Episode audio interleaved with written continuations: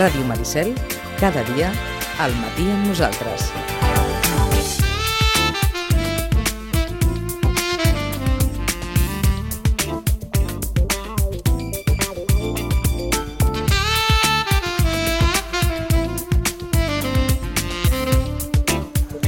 Vinga, 10 i 28, eh, dos minuts per dos quarts eh, d'onze.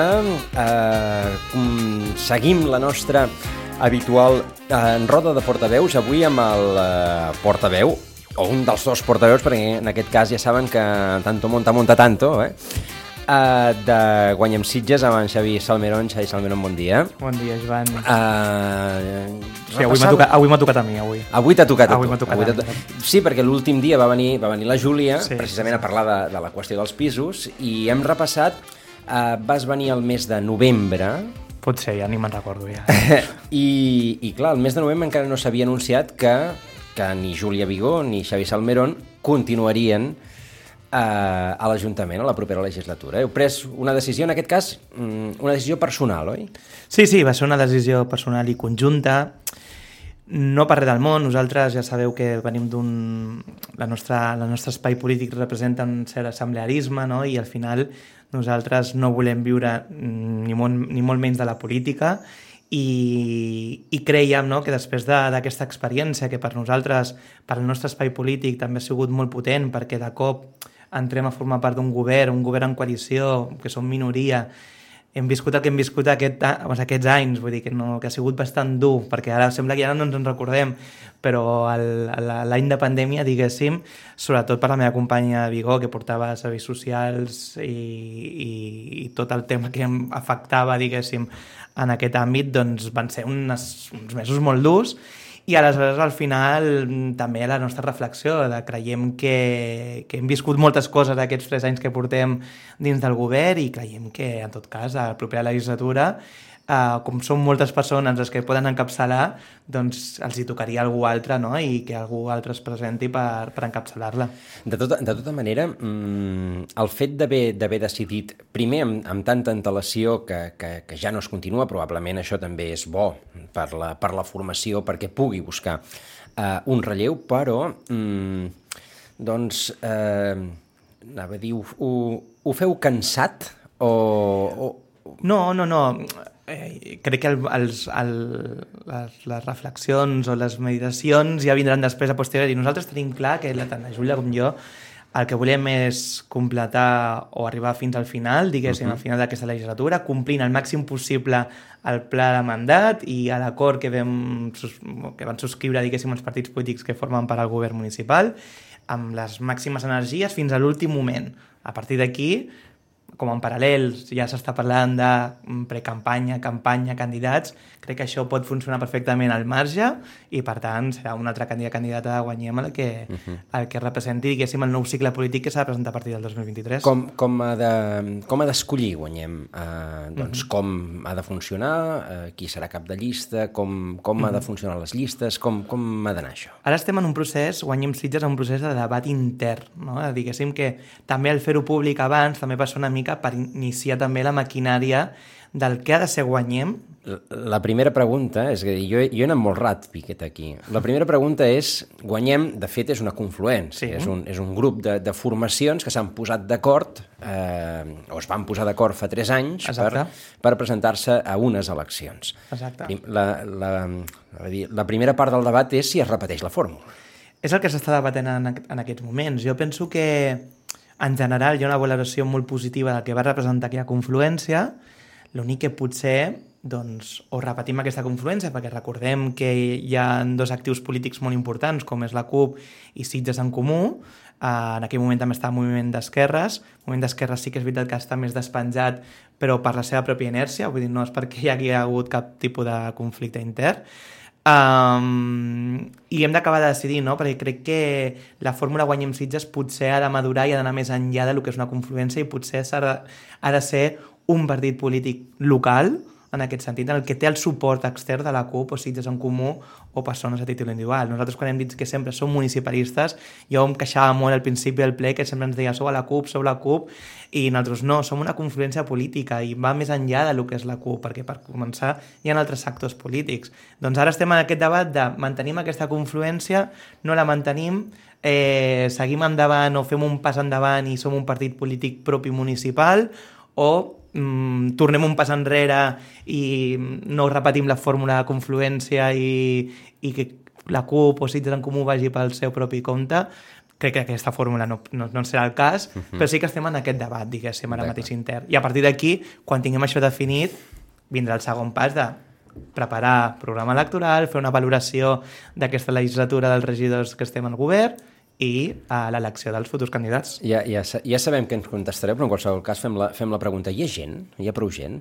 Ui, oh, tant, vull dir... Ah, ja sabia que em contestaríeu. no, no, no, vull dir, a la, a, penso que el nostre espai polític, si uh -huh. més no, uh, d'esquerra alternativa, republicana, ecologista, feminista, etc etc crec que s'ha demostrat que potser amb, amb, amb 10 anys, diguéssim, que està representat a l'Ajuntament de Sitges, primer dos legislatures per la CUP i ara per guanyar amb Sitges, mm, home, hi ha hagut bastants canvis a, a, a, a les cares visibles dels regidors i regidores que han format part. Per tant, demostra que hi ha gent... Que de moment hi ha hagut gent. Que de moment hi ha hagut gent, que hi ha gent, de veritat, que, que, que, que, que, que apunta en moltes maneres. Tenim un seguit de teixit molt jove dins de la formació i crec que això és molt important també re reivindicar. Mhm. -huh. El fet que una, una formació, doncs això, eh, d'esquerres, feminista, independentista... Eh, republicana, republicana. Republicana, republicana, republicana, republicana gràcies. Eh, hagi entrat al govern que no havia que diguem que quan era CUP no havia, no havia entrat mai al govern, ha obligat a un exercici, diguem, de pragmatisme? Totalment Totalment, un pragmatisme i, i, i real polític, no?, d'alguna manera. Uh mhm. -huh. Tot així no vol dir que no haguem, diguéssim, apretat per arribar a la, al límit, al límit del que podíem arribar a fer a moltes coses. Però sobretot és el que hem dit, eh? Al final, eh, som municipalistes, tenim moltes coses per fer, és complicat, sí, però també ens equivoquem quan parlem de que la política es fa en 4 anys, no? de 4 a 4 anys. No, la política es fa a curt termini, a mitjà termini i a llarg termini. Hi ha projectes, per exemple, de municipalització de serveis, que malauradament, amb aquesta legislatura, com a molt a molt, hem pogut presentar quins són els passos que hem de fer després de fer un estudi econòmic, un estudi social, un estudi de tot tipus per poder convèncer els habilitats que al final són els que han de permetre fer aquests passos. Eh? Quan parlo d'habilitats, parlo secretaries, intervencions, tresoreria, aleshores, que no depenen de l'Ajuntament, sinó depenen de l'Estat i, i que estan aquí, no? i que són els que marquen la pauta. Doncs, aquest, per municipalitzar un servei com les llars d'infants, doncs necessitem molt més temps. I aquí estem nosaltres. Si nosaltres no haguéssim arribat d'alguna manera i haguéssim posat sobre la taula la municipalització d'un servei com aquest, potser no s'haguessin fet els estudis i no sabíem no com canviar-ho. Per tant, pragmatisme, sí, hem ara fet, ara estem fent la licitació dels següents anys de les llars d'infants perquè no hem pogut fer la municipalització, però sé que la volem fer. Per tant, la següent legislatura, si ja tenim la feina mig feta, només fa falta acabar-la de rematar.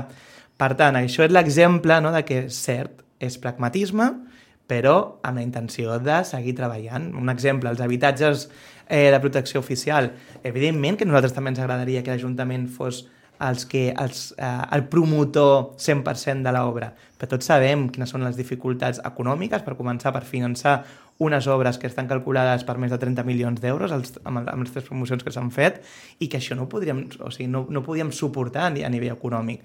Per tant, pragmatisme, tenim aquesta necessitat, hem trobat una fórmula molt correcta amb unes fundacions sense ànim de lucre i hem pogut construir aquests habitatges. Tenim a dia d'avui els primers habitatges? Sí. Per tant, són pragmàtics, però dins d'una voluntat transformadora. Uh -huh. uh, en el fons, en el, en el discurs queda, queda evident també eh, un dels principals problemes, que, que és una solució i és un problema alhora, que són els terminis, aquests terminis de 4 anys que, que marquen les legislatures i que moltes vegades obliguen uh -huh. eh, al polític. Ara, doncs això, passarà l'estiu i entrarem ja en curs electoral. Uh -huh, uh -huh. I, per tant, probablement eh, moltes formacions, si no totes, gairebé, doncs ja estaran amb la, amb la mida, amb la mira posada sobre mm, com s'han de rendir comptes i com doncs, eh, posicionar-se de la millor manera de cara d'assumir eh, que el mes de maig els sitgetans tornaran a votar. Sí, sí, totalment. Però jo penso que formant part d'un govern ho tenim relativament fàcil, en el sentit de tenim la, la, la, el programa, o sigui, tenim el pla d'actuació municipal, nosaltres el que hem de, diguéssim, els nostres companys de govern també, eh? vull dir, que abans d'enfrontar-nos de, de, electoralment a, de cara a les eleccions, el que hem de fer de, per començar és executar el màxim possible el que tenim pactat el 2019. Això és el que hem de fer.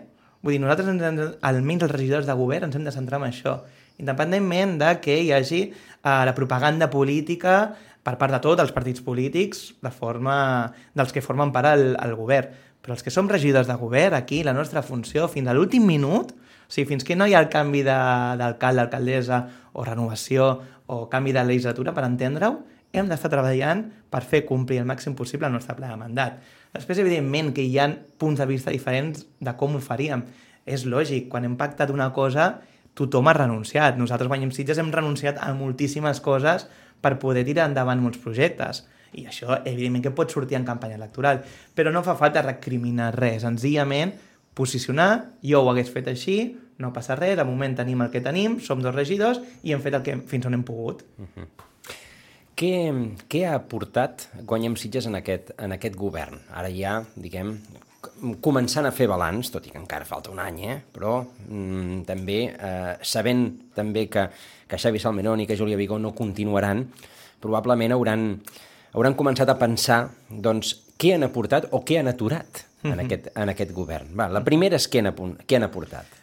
És, és, és pregunta de reflexió que potser encara no, no hem acabat de fer, però jo penso que moltes coses. Per començar, una forma diferent de governar i que tot i que no s'expliqui la gent no ho entengui, eh, el fet de que puguem reunir-nos els dilluns amb els nostres companys de govern i que puguem, en aquest cas liderat per l'alcaldessa, puguem discutir les coses, puguem eh, consensuar les coses i no anar cada regidor o regidora per la seva via intentant imposar el seu criteri, sinó consensuar sempre, jo crec que és un fet molt diferenciat i ens ho expliquen sobretot els nostres companys de govern, de, per exemple, d'Esquerra Republicana, que havien governat anteriors legislatures amb, amb altres partits i que ens deien que al final s'imposava el que deia l'alcalde o l'alcaldessa, en aquest sentit alcalde, i cada regidor d'alguna manera feia la seva, la seva ruta. No? Nosaltres hem sigut un govern que potser per la nostra iniciativa assembleària doncs hem volgut i hem, i hem pretès i crec que s'ha, diguéssim, s'ha generalitzat dins del govern el fet de compartir tot, prendre les decisions, tant les bones com les dolentes, i assumir-ho per part de tots a eh, la mateixa responsabilitat. Jo crec que això és, potser no és molt visible, però dins d'un govern crec que és molt important, igual que quan es va aprovar el pacte, ai, el pla d'actuació municipal, doncs moltes de les iniciatives les vam plantejar des de Guanyem, des d'aquesta visió més transformadora i crec que això és molt important. I quan parlem d'aquesta visió transformadora estem parlant a nivell mediambiental, per exemple, amb tot el tema de com gestionem les nostres platges, el nostre litoral ciutadà, parlem també de l'aposta per l'habitatge, per l'aposta d'una cultura assequible, etc etc. I jo crec que això potser és el que estem més satisfets de, del que ha representat eh, guanyem Sitges dins d'aquest govern també hi ha coses dolentes, eh? Vull dir, no vull dir que, que tot sigui positiu. Hi han coses, i això podem dir-ho per reconèixer, que, per exemple, a nivell urbanístic hi han coses que on no és que no ens hagin agradat, perquè penso que el regidor de, mm, ha intentat fer molts canvis, però la pròpia normativa ens impedeix anar més enllà del que nosaltres preteníem. I això ha sigut una realitat i que potser doncs, necessitaríem pues, pues, pues uns canvis administratius, jurídics i potser fins i tot que sigués acompanyat per més força política no? per poder-ho fer. Uh -huh. Aleshores, bueno, diguéssim que hem aportat a uh, un canvi, una visió diferent de com s'ha de gestionar un municipi. Heu esmentat la cultura assembleària. Mm. Uh, anava a dir, en aquestes, ara que no en sent gaire gent, oi? En, en aquestes uh, reunions de, de govern se senten crits?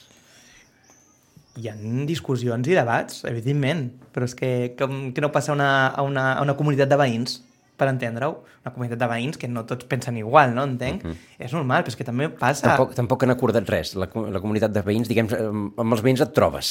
Bueno, però Anava a dir, no la, pactes. la comunitat de veïns eh, han de pactar constantment decisions de, mm, que afecten a la pròpia comunitat, no? Sí, de, sí, no, però, de... però ja m'enteneu que, Sí, que, però, que, clar. que el, els regidors han decidit eh, Clar, han establir un decidit camí amb, junts. un- amb un pacte de govern, evidentment, Correcte. i a dins, doncs, eh, hi han debats, però jo crec que són molt lògics des d'un punts de vista ideològics diferents en el que volem trobar sempre aquest consens. Uh -huh. I a vegades, ja dic, eh, és normal, també ens passa dins de les nostres formacions polítiques, dins també hi ha debats i, i s'acorden coses. Sí, més que res fe- feia la pregunta perquè la, la cultura assembleària, que és, que és, que, que és la, diguem, la cultura en la que s'emmarca, probablement guanyem Sitges, eh, té, vi- òbviament, unes, unes virtuts, però també té uns, té uns vicis. Mm -hmm. I és que eh, moltes vegades, a partir de, de, de les reunions eternes, no s'avança. Sí. Jo crec que això és... Mm, És mit, això? Jo crec que té una part de mite. Té una part de mite. Val.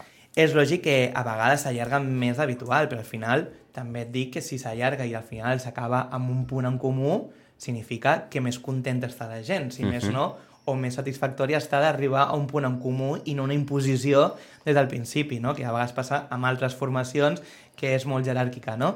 Jo crec que, que el debat és sa, és positiu, i si requereix temps per arribar a un acord, doncs l'hem de, de respectar. Mm. El, el punt més crític ha estat la draga? O la no draga? La draga ja és aigua passada. És aigua passada, és, és ja. aigua passada, no? Ja gairebé. Eh, punt crític, draga. Pregunto, eh? Jo crec que el punt crític ha sigut la gestió del litoral en general. És, és una realitat. Vull dir, encara estem avui dia eh, parlant de guinguetes, etc etc. Però jo crec que tampoc ha sigut tant com potser els, alguns mitjans de comunicació, alguns opinadors o alguns lobbies han volgut fer veure, no? Jo crec que aquí teníem tots, estàvem bastant tots d'acord en que no volíem aportar sorra de forma, en forma de dragatge a les nostres platges i sempre quan no hi hagi una emergència, diguéssim, a nivell de, de, de, de, de solucionar o evitar un possible conflicte amb una infraestructura que tinguem, no? Vull dir, evidentment, si hi ha un temporal i destrossa una part del passeig, doncs és lògic que potser sí que s'ha de dragar una mica de, de sorra o ficar més pedres per, per evitar no? aquest, aquest, aquest possible conflicte amb infraestructura. Però, però crec que no. Vull dir, crec que la draga potser va ser el, el moment així interessadament políticament al principi de la legislatura perquè l'oposició ho treia sobre la taula i tot això i perquè potser va ser una de les mesures més impactants no? del que estàvem acostumats, que cada any l'Ajuntament pagava 300-400.000 euros per dragar un parell de platges de Sitges i que a la mínima al cap d'una o dues setmanes venia un petit temporal i s'emportava la sorra, o sigui, era llançar els diners a la platja, diguéssim. O sigui, igual que no ens imaginem, imagina't una catifa a corpus ficar eh, bitllet de 100 no, a la platja, doncs és el que fèiem, no? Molt gràfic. L'Ajuntament ficava mm, bitllets de 100 per entendre a dins del mar per que se l'emportés, no?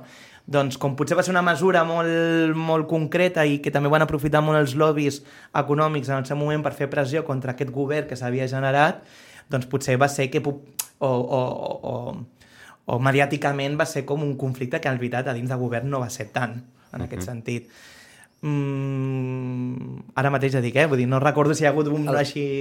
No, més que res perquè eh, ara també hi ha el, pro el procediment de les, de, la, Les de les concessions, de les, de les guinguetes i, i, i doncs és, és bastant és bastant obvi que, que aquest debat, eh, no sé si el debat de la draga, però sí el debat, el debat de la, del, del model, de les platges, eh, és un debat que, que sempre- es posarà sobre la taula, Mira, igualment. jo sempre dic que les esquerres en general, quan governen i legislen i aproven mesures socials, mediambientals, eh, sempre són, diguéssim, criticades per tothom. Vull pensar matrimoni homosexual, vull pensar a drets socials a, a, a nivell local, tema mediambiental com les platges, però que a la llarga tothom ho compra, tothom. Vull dir, al final, el desgast polític que genera les esquerres, les polítiques d'esquerres, eh, té, té això.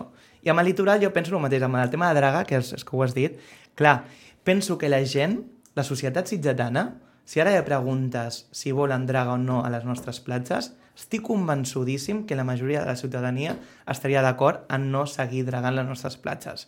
Per tant, els, al l'inici costa molt, costa molt els canvis, però després jo crec que la gent ho agraeix i s'acaba, diguéssim, assumint aquests discursos. I amb el tema de la gestió de les guinguetes passa una mica el mateix. Nosaltres, quan vam entrar, érem molt crítics en com s'havia gestionat tot el tema de concessions. No podia ser que el 50% o més de les ocupacions de, de, de, de les platges i, ojo, les platges són molt més de la part que es veu, eh? Vull dir, les platges també s'ha de tenir en compte la part submarina, etc etc. Però la part que es veu que estiguessin ocupades per més del 50% per activitat econòmica, això no era normal i que a vegades aquesta activitat econòmica es queixava de que no havia sorra perquè no podien posar la seva guingueta o els seus serveis, no era normal en aquest sentit. Aleshores, no dragatges i un canvi molt important ha sigut el pla d'usos, perquè ara parlem molt de les guinguetes, però és que el principal canvi és el pla d'usos que es va aprovar, que tampoc va ser fàcil, perquè no depèn únicament de l'Ajuntament, depèn d'altres administracions, i quan ens, la gent ens diu és que ho hem anat tard, no és que haguem anat tard, vull dir, es va planificar en els tempos que feien falta, però tot té els seus, uh, el seu recorregut i el seu termini. I aquest pla d'usos hem limitat, o sigui, ara estem parlant d'un màxim de gairebé, o sigui, no arriba ni al 30% d'ocupació, que no és tant, perquè això significa que quasi totes les platges tenen serveis econòmics. Partim de la base de que si fos per guanyar sitges, segurament aquesta restricció seria molt major, però el que dèiem, estem en un govern i hem pactat. Per tant, quasi totes les platges tindran serveis econòmics. Altres les hem protegit com platges entenent-les com naturals, com pot ser la de la zona de Riera de, de Terramar. A partir d'aquí, les guinguetes... Um, és cert, mm, ja dic, eh, tot i que en la nostra visió potser fins i tot hi ha, hi ha, hi ha persones de dins de Guanyem Sitges que fins i tot defensen que no hi hagués activitat econòmica a les platges, eh? perquè igual que si entenem les platges com un espai natural, per entendre-ho, o que no ens ocorreria ficar una guingueta al mig d'un parc nacional o del mig del parc del Garraf ficar ara mateix una guingueta, doncs al final les platges també per molta gent té aquesta concepció. És veritat que nosaltres som un municipi turístic i hem de donar uns serveis. Independentment d'això, eh, l'administració la, és garantista, és molt garantista, molt. I nosaltres, com a govern, ho hem volgut fer encara més garantista, és cert, perquè sabien que això provocava un conflicte. Per un costat, concessionaris que feien molts anys que estaven a les platges, que sabíem que si això s'obria aquest meló, potser perdien la seva concessió altres ciutadans, ciutadanes, emprenedors, emprenedores que volien també gestionar les platges de Sitges i per tant també tenien dret a presentar-se. Aleshores, fer tota aquesta comunió sabem, doncs hem de garantir moltíssim tots els processos.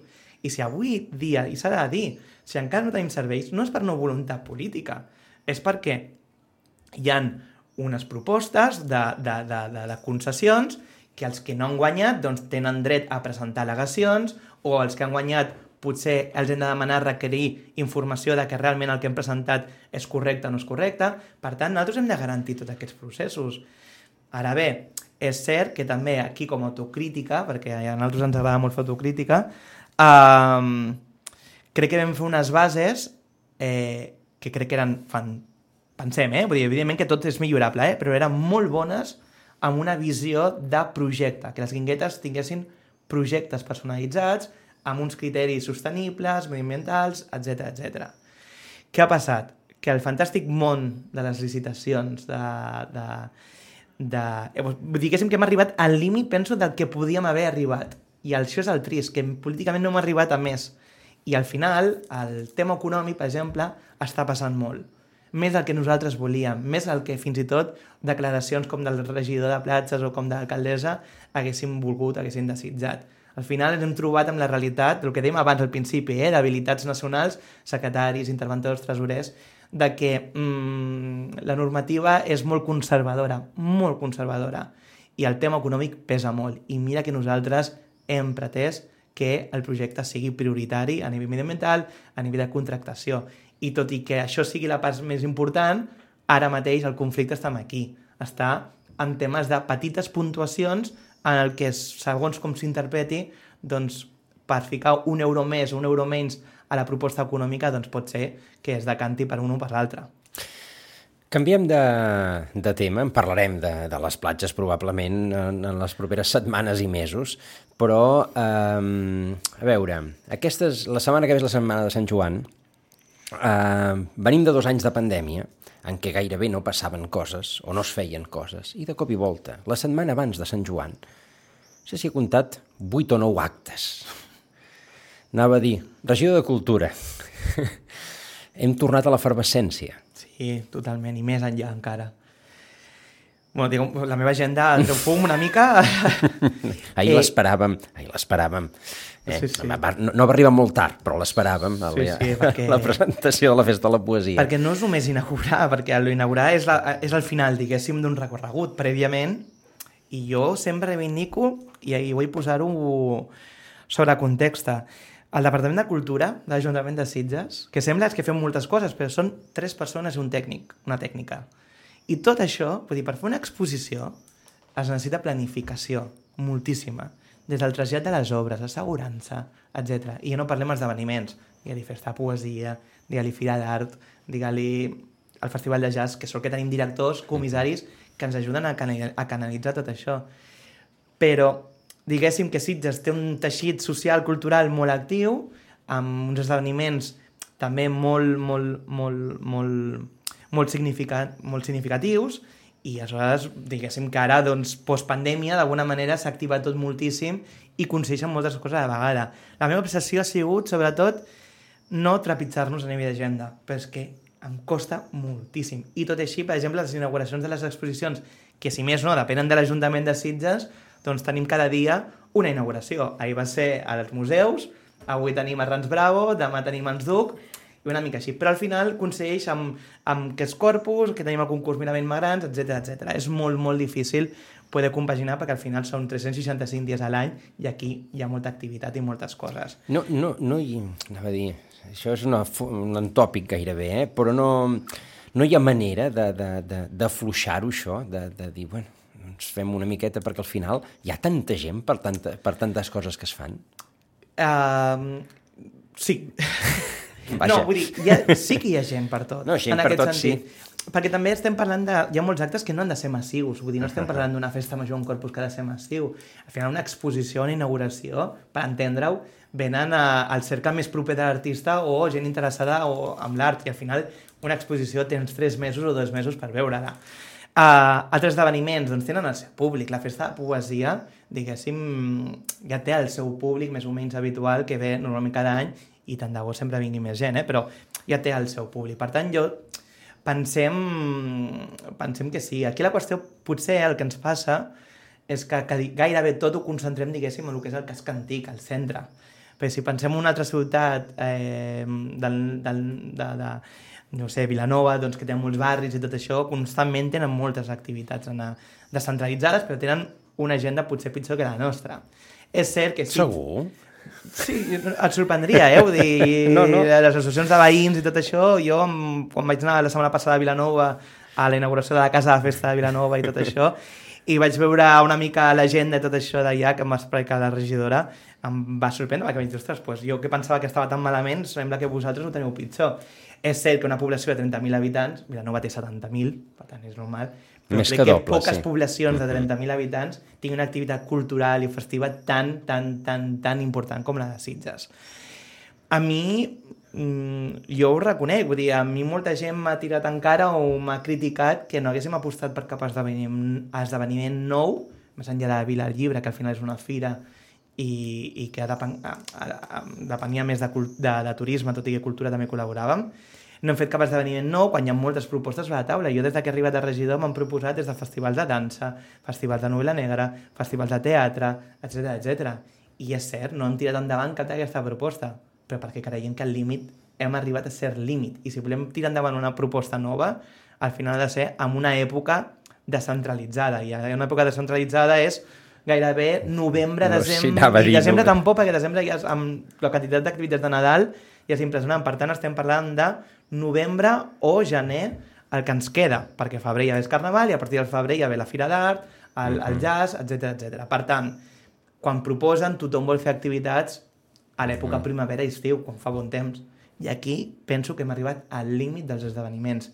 I això és una certesa i una realitat. I qui vulgui ignorar-ho, crec que no sap la realitat. D'acord, és a dir, el regidor ens, ens, eh, ens explica que eh, ha hagut de dir que no moltes coses. És a dir, encara que es fan moltes coses, no són les coses que es fan, sinó les que no s'han fet i que s'haurien fet. Totalment, totalment. És que... I a part, la voluntat nostra que hem tingut aquesta legislatura ha sigut reforçar els esdeveniments que ja teníem, que ja fèiem. I això ha sigut la nostra voluntat, i per això hem fet canvis amb la Fira d'Art, amb el jazz i amb la Festa de Poesia, a veure si l'any que ve podem donar el salt eh, qualitatiu a nivell d'incorporació de, de, de, de la Generalitat dins de l'organització. Eh, però hem dit molt no, molt no. I, uh -huh. I també hem de ser conscients que, el que deia, eh, el Departament de Cultura té l'estructura que té, vull dir que, que tampoc no poden assumir més feina, però també Sitges, eh, el seu entorn més cèntric, diguéssim, crec que hem arribat al límit de, de, de, de, a nivell d'infraestructura, eh, de tot el que pot arribar a assumir perquè ja no és només buscar el calendari, sinó és... El lloc. El lloc, mhm. molèsties amb el veïnatge, etc, amb els comerços, etc etc. Doncs ja que parlem de llocs, eh, queda un any de legislatura ara mateix, o menys d'un any ja, i, i clar, aquests, en aquesta legislatura s'han obert els projectes, el, o els melons gairebé, del Mercat Vell, de l'Escorxador, el Romàntic que continuen obres, tot i que depèn, en aquest cas depèn de, de, de Diputació, anava a dir, què tindrem temps de veure en aquest any que queda i que quedarà, diguem, una mica penjat? Comencem pel Museu Romàntic, de fet, perquè crec uh -huh. que a l'última entrevista ja em van preguntar uh -huh. si aquest any veuríem obert el Museu Romàntic, perquè crec que el diputat havia dit que, que sí, que aquest any veuríem. I jo vaig dir al seu moment que no ho veuríem. I efectivament no ho haurem obert, perquè el Museu Romàntic té unes deficiències que no s'han resolt, que s'han de seguir resolent abans de poder obrir. I és molt trist que portem tants anys tancats, però és cert, per obrir-ho a mig gas i malament, prefereixo que s'obri quan estigui tot correcte, tot ben instal·lat i tot ben col·locat, diguéssim. Per tant, jo aquí sempre he sigut molt realista quan tothom m'ha preguntat al Museu Romàntic quan, quan, quan, jo dic, quan estigui preparat. No vull que s'obri a mig gas, tot i que depèn del Consorci de Patrimoni, eh? però dins uh -huh. del Consorci, tant l'alcaldessa com jo ho he manifestat en moltes ocasions. Dit això, Mercat Vell, Mercat Vell ja l'hem aconseguit, diguéssim, eh, obrir i hem demostrat aquesta polivalència que vam dir i que el procés participatiu va validar, no? No vol dir que això no tingui un projecte més a llarg termini, però jo crec que això és una qüestió de la següent legislatura que haurà de decidir si vol mantenir aquest espai com a espai polivalent, que jo aposto 100% perquè demostra que podem fer moltíssimes coses, o eh, ubiquem alguna tipus d'infraestructura més fixa. D'acord. Escorxador ja està en marxa. L'únic que, evidentment, jo, quan parlàvem de timings i tot això, mm, no tinc cap problema per dir que jo això no ho veuré uh, acabat quan deixi jo la legislatura. Però si més no, si tot va bé, al novembre començaran les obres. Ara crec que la setmana que ve, o la que, sí, la que ve ja es comença la licitació de les obres, els terminis són aquests, per tant, guanyarem un espai en condicions perquè realment qui hagi visitat l'escorxador en els últims anys sabrà que, que realment estava, estava en un estat molt precari i necessitàvem una intervenció urgent. Uh mhm. -huh. Una intervenció urgent, i per això ho hem aconseguit. I Patronat, Patronat. doncs tenim un projecte molt en marxa, eh, i us podré dir alguna cosa doncs, a la tardor, perquè ens vam presentar per una subvenció del Next Generation, en el que si ens l'atorguen eh, que el patronat, el projecte del patronat encaixava 100% amb aquesta subvenció, Ara bé, ja sabem que les subvencions s'acaben i, i van funcionar molts criteris, eh? però si ens la concedeixen significa que ens financen el 80% de l'obra. I estem parlant que l'escorxador, no, perdó, el patronat. Estem parlant que el patronat eh, té un valor estimat d'un milió i 200.000 euros aproximadament la rehabilitació, perquè aquell espai, malauradament, no l'hem pogut obrir així provisionalment, perquè té unes deficiències estructurals que necessiten d'intervenció. I aleshores, doncs una mica com el mateix criteri del, del, del Museu Romàtic, fins que no tinguem o fins que no estigui preparat, no podem ubicar-hi l'activitat. Um, heu esmentat el Consorci del Patrimoni. Um, us podem preguntar per com heu vist tot el procés que, que ha envoltat a, a la figura de Pere Izquierdo. Uh, doncs, com, a, com a gerent en funcions, ja no gerent, ara, ara és fora, ara ja... Doncs l'altre dia precisament es van presentar les, les activitats del, del Sitge Estiu uh -huh. diguem, amb la, amb la nova responsable en funcions també uh -huh. de, de, del Consorci. Com, com heu vist el, uh, tot el que ha envoltat a, a la convocatòria d'aquesta plaça? Ho hem vist amb molta pena. Aquí per començar, el realisme polític, no? El Consorci de Patrimoni, eh, l'Ajuntament té poca veu. Té poca veu i s'ha de dir. Vull dir, no passa res. Aquí qui governa és la Diputació de Barcelona en tots els seus aspectes, tant per lo bo com per lo, per lo dolent. I aquí nosaltres, quan recordem que el Pere Izquierdo ja era un, un director gerent en funcions, quan vam entrar eh, a la legislatura el 2019, nosaltres el que demanàvem és que es convoqués d'una vegada per totes un concurs per triar la nova direcció. I aquest concurs nosaltres no volíem que fos dirigit a funcionaris, volíem que fos obert a tothom amb, té, amb, amb els estudis corresponents, però eh, que estigués obert a la ciutadania per presentar el seu projecte per dirigir els museus de Sitges. Um, que a vegades el que reclamava el sector, vull dir, el que reclamen els, els historiadors d'art, els museòlegs, etc etc, és que les convocatòries siguin públiques i obertes. Si ho limitem únicament a funcionaris, mm, fa Sortiran funcionaris. sortiran funcionaris i fa Segur. anys que en Cadeirabé no es convoquen places de funcionaris. Per tant, sempre anirem a un mateix tipus de uh, treballador públic uh, per poder dirigir els museus. I nosaltres estàvem totalment en contra d'aquest criteri. L'únic que la Diputació ens deia en el seu moment que això no podia ser, podia ser perquè la normativa es deia que havia de ser funcionari. Nosaltres els hi dèiem precisament, hi ha l'exemple del CCCB a Barcelona, que és un consorci també entre l'Ajuntament i la Diputació, en què la direcció va ser per un concurs de mèrits obert a ciutadania. No va ser funcionari. Aleshores, nosaltres demanant el mateix. Carpetazo, no va poder ser, es va convocar un concurs només dirigit a funcionaris. Què va passar? Es van presentar dos només, del qual un es va excloure perquè No reunia els requisits. Perquè no reunia els requisits, uh Mhm. -huh. i l'altre va ser el director en funcions. Correcte, que era Però estem parlant de... Des del 2019 demanàvem això, tres anys després el concurs. Gairebé, tres anys. Dos anys del concurs, un any per resoldre el concurs. I a sobre es resol negativament eh, cap al director en funcions que hi havia fins aleshores. Clar, eh, crec que s'ha fet molt malament la gestió en aquest aspecte. Ara la resposta que ens va donar el diputat i, i president del Consorci de Patrimoni és que ara sí que el concurs podrà ser obert per mèrits. Ens ho va dir quan, diguéssim, va haver la polèmica fa un parell de mesos i ens va dir que això seria imminent. A dia d'avui encara no s'ha convocat aquest concurs. Aleshores, mmm, crec que, que s'ha de reconèixer que no s'han fet bé les coses al Consorci de Patrimoni de Sitges, però també he de dir que l'Ajuntament de Sitges tampoc té tanta força dins d'aquest organisme i al final tot depèn de la Diputació, dels criteris de, de, de, també del que dèiem abans dels habilitats, eh?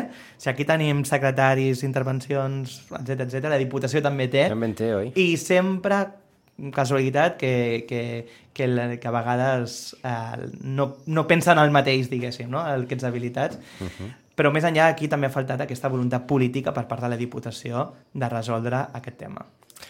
Sou també regidor de joventut. Aquesta setmana s'han presentat les conclusions del, del Consell de Joves D'adolescents, d'adolescents. d'adolescents Sí. i demanen una discoteca. Demano una discoteca. I però jo crec que aquesta, aquesta reivindicació jo penso que deu ser potser històrica, eh? perquè jo quan era adolescent ja l'escoltava i si parlo amb les persones més grans que jo també, penso que, que, que fa molts anys ja no només el concepte de discoteca, eh? al final és un espai és veritat que el, el resum és discoteca, eh? però és un espai d'oci per poder ballar i escoltar música d'alguna manera. I això és una reivindicació no només com un espai I on, fixe, I on estiguin recollits, que també seria que una estiguin- reivindicació dels pares, Ah, en i, aquest bueno, cas. I, no, però ells mateixos demanen de, de, de poder sociabilitzar al final, no? Al final és una, és una cosa evident. I més ara, a dia d'avui, on la socialització cada vegada és més digital, més tecnològica, doncs que un espai on es puguin sociabilitzar ballant i escoltar música és més necessari que mai. I ens ho demanaven, ja dic, no com un espai fixe d'un dissabte normal, sinó a les nostres festes. Vull dir, és cert, quan no hem sapigut adaptar-nos a aquestes necessitats i quan han arribat les festes com Carnaval o Festa Major, gairebé eh, seguim pensant en infants i adults, però hi ha un terme mig allà al mig que són de 12 a 18 anys per entendre que no està cobert i no hem trobat la solució. Aleshores, aquesta proposta, doncs jo penso que és molt encertada perquè, perquè si la podem executar, perquè aquesta és l'altra, vull dir, aquí fan una proposta i ara aquí és a voluntat. dir, com, com es pot posar fil a l'agulla a partir d'aquesta proposta que sobre el paper doncs, es, es, veu, es veu fins i tot convenient, però, però clar... Clar, ells ens proposaven, va ser molt graciós, perquè es, penseu que es van reunir amb, amb, amb agents, eh? Dir, de, de, de, de, o sigui, empresaris de, de l'oci nocturn de Sitges i tot, per veure com funcionava, i van anar als locals, i van veure... Ja pensava que molts d'ells no havien entrat mai en un local d'oci nocturn, i van veure tot una mica, no? I els va explicar pues, tot el tema de la gestió, etc i les normatives, sobretot. Aleshores, hi ha la possibilitat de... Ells proposaven això de... O que sigui el propi... algun local d'oci nocturn actual que existeix a Sitges que fas uns horaris més de tarda a vespre, per exemple, i puguin anar-hi. Però sí que vam veure la complexitat de que doncs, la, el, el local com a tal doncs, ha de fer modificacions perquè no pot haver beguda a la vista, de fet s'ha de, o sigui, s'ha de ocultar la, o sigui, la beguda de la nit, diguéssim, pels adults, doncs no pot estar accessible pel, ni visual ni, ni, ni, ni, diguéssim, pels propis treballadors. Aleshores, això es complicava molt. I és una solució que es va plantejar va ser que precisament l'escorxador, que ara mateix està aquest projecte com aquesta sala polivalent, però vinculada sobretot a la, a l'escena, a, a, a les arts escèniques i musicals, doncs és un espai que precisament es podria adaptar i un cop o dos cops al mes es podria adaptar com a discoteca d'alguna manera. Per què? Perquè l'espai eh, complirà la normativa a nivell de llicència d'activitat per aquest tipus d'activitats, per tant tindrà lavabos interns, tindrà, estarà insonoritzat al seu interior perquè el soroll no sortia a l'exterior i, i per tant doncs, veien com la necessitat de, ostres, potser amb el projecte d'obres de, d'escorxador, doncs el lloc més indicat és l'escorxador. Al final és una zona també peatonal, que estigui allà recollida, vull dir, perquè la plaça dels artistes, una vegada que es passi a l'escorxador, deixarà de, de, que s'aparquin els cotxes, perquè es, també es reurbanitza la plaça exterior amb vegetació i mobiliari urbà. Per tant, els propis adolescents, van, quan, vam, quan, els, quan els de cultura els hi van ensenyar el projecte, els hi va encantar l'escorxador. Van dir, ostres, doncs potser... És cert que hauran d'esperar, potser un any més o menys, però, però, però, però els hi va agradar i jo crec que és molt viable al final. Mm -hmm. Perquè el concepte d'escorxador que tenim des de cultura, ara parlo de la cultura, és que hi hagi molta activitat diversa, no només representacions d'arts escèniques de petit format, teatre, dansa o, o espectacles infantils, sinó que, per exemple, podien haver jam sessions, no? perquè des de que ja no està a l'acaba el retiro ja no podem fer jam sessions aquí a Sitges, i allò és un espai idoni per poder fer, espais, eh, per poder fer jam sessions un divendres al mes o dos divendres al mes de jazz, etc etc. no? Pues, perfectament, igual que també podem fer projeccions audiovisuals de documentals, que aquí a Sitges doncs, no hi ha un espai on poder projectar documentals, per l'escorxador estarà adaptat per projectar. Pues crec que una discoteca en un espai com l'escorxador pot ser totalment viable. Uh -huh. Per tant, a, a la pràctica d'aquesta legislatura en, sortir, en sortirà l'Ajuntament com a gairebé promotor d'una llibreria i l'Ajuntament com a gairebé promotor d'una discoteca. Pues possiblement, sí, sí. és un, crec, que, crec que és un bon resum. Però també és una mica, no?, la, també eh, creiem que... I potser és el terreny de guanyem, eh? eh no ens, hem de, no ens hem de limitar les competències que té un ajuntament únicament i si ens ho permet, diguéssim, la iniciativa, sempre complint la normativa, evidentment, no fer una cosa estranya, doncs per què no? Perquè al final la societat ens ho demana, no? És com el, fe, el tema de, jo recordo, el, el debat que hem tingut molt amb, les, amb la neteja de les franges perimetrals per evitar els incendis. Això ho han de fer els veïns i veïnes. Però si no ho fan, el risc que, per qui és? Per tota la societat en conjunt, no?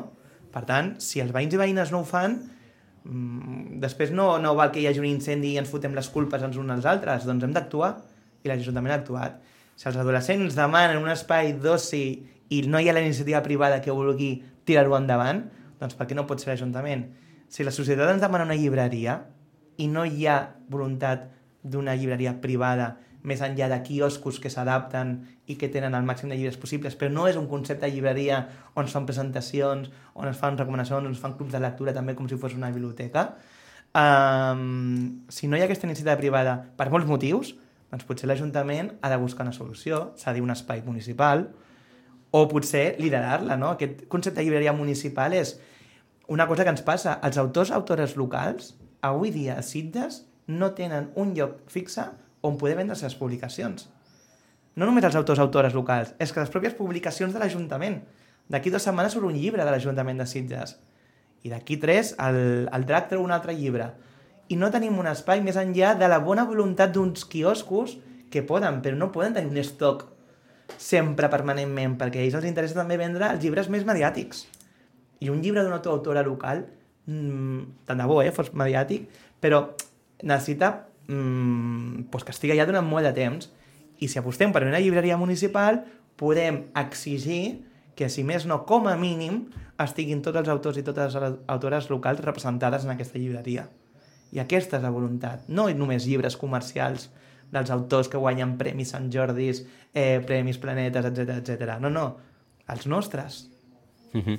tornant, tornant a la joventut, hem, i ja, ja per, anar, per anar acabant aquest, uh, aquest espai d'entrevista, de, um, després d'aquests dos anys de pandèmia, els joves han estat el, probablement el sector o un dels sectors més afectats, evidentment la gent gran i la gent de les residències, uh -huh. sens dubte, i el sector sanitari, però, però probablement dintre d'aquesta tríada de, de perfils més afectats, els joves, aquests joves que no han pogut socialitzar durant dos anys, ara, ara han sortit, eh, diguem, més afablits d'aquesta pandèmia. És que hi ha molts punts de vista, vull dir... El... O, perdó, millor dit, hi ha moltes conseqüències. La pandèmia ha sigut una d'elles però també el ser al punt de mira de la societat ha sigut un altre. Perquè no és normal, vull dir, si ja tenim problemes, la pandèmia els ha tallat les ales en una època molt concreta, que al final és l'època de l'exploració, de la sociabilització, de l'autoconeixement, de molts aspectes, els adolescents sobretot, eh, adolescents i, i, i, i, i, i els joves més joves, eh, per entendre-ho, eh, ho han passat molt malament i a sobre, a la mínima que tenen l'oportunitat de poder fer una mica més, els hem estat a sobre culpabilitzant de que estan fent botellons, no sé què, etc etc, perquè senzillament estan sociabilitzant, perquè ho necessiten i perquè recordem que vivim una era tecnològica a la que és més cruel del que pensem molts de tots, perquè és molt cruel que per un comentari, un dislike, un el que sigui, et puguin anar darrere, et puguin fer bullying, etc etc. o si no estàs al mateix nivell, doncs no puguis uh, sociabilitzar. És una època molt dura i ells ho han viscut molt durant dos anys, molt. Però també vull ser crític amb la societat, amb la societat adulta, que els ha posat els mitjans de comunicació constantment, no parlo d'aquí, eh? vull dir, parlo en general, eh? vull dir, els grans mitjans sempre, com La Vanguardia o periòdicos problema. que traien portades de joves adolescents que... que, que Els botellots, sí. Que mm -hmm. feien botellots. I dic, evidentment que el botellot no és desitjable, no és desitjable, però tampoc no els posem així en tant a punt de mira, perquè resultarà que no hi ha adults també que se saltin la normativa. I hi havia adults que se saltaven la normativa. Per tant, aquest punt de mira constantment culpabilitzador, crec que és una cosa molt dels adults que constantment fem això i aleshores ha acabat patant. I al final, i, i, i s'ha de veure amb els resultats acadèmics dels instituts, com ha sigut molt conflictiu i com ha baixat aquests resultats acadèmics, com ells mateixos a nivell de sociabilització, etc etc. Fins i tot la relació dels pares amb els adolescents, que encara s'ha agreujat encara més a vegades aquest conflicte, doncs, ostres, eh, plantegem-nos com a societat com estem actuant amb els nostres joves, que al final és el nostre futur, eh? És el nostre futur. Per tant, bueno, L'Espai Jove també vam detectar això, juntament amb serveis socials i, i, i salut pública, i per això la creació d'aquest nou servei, de l'IMUT, no? de dir, és que també estem veient que tot això ha provocat uns problemes de salut mental que ja existien, però que ara molt més agreujades, mm. molt més agreujades. Aleshores, bueno, mm, hem tingut que fer aquest servei perquè, el que dèiem abans, eh, qui ho havia de fer, que són administracions superiors, no arriben. Nosaltres no ens podem quedar de braços creuats pues, si el CAP o qui sigui no té el servei o el telèfon que han ficat d'atenció psicològica de la Generalitat triguen dues setmanes en atendre't, doncs nosaltres hem de ficar les mesures i per això fica aquest servei nou. Doncs amb aquest eh, nou servei, eh, orientat específicament als joves, eh, obert des de, des de l'Espai Jove, eh, acabem aquesta, aquest repàs en la roda de portaveus al portaveu de, de Guanyem Sitges, Xai Salmerón. Moltíssimes gràcies. Moltes gràcies a tot l'equip de Reu Maicel. I fins aviat. Fins aviat.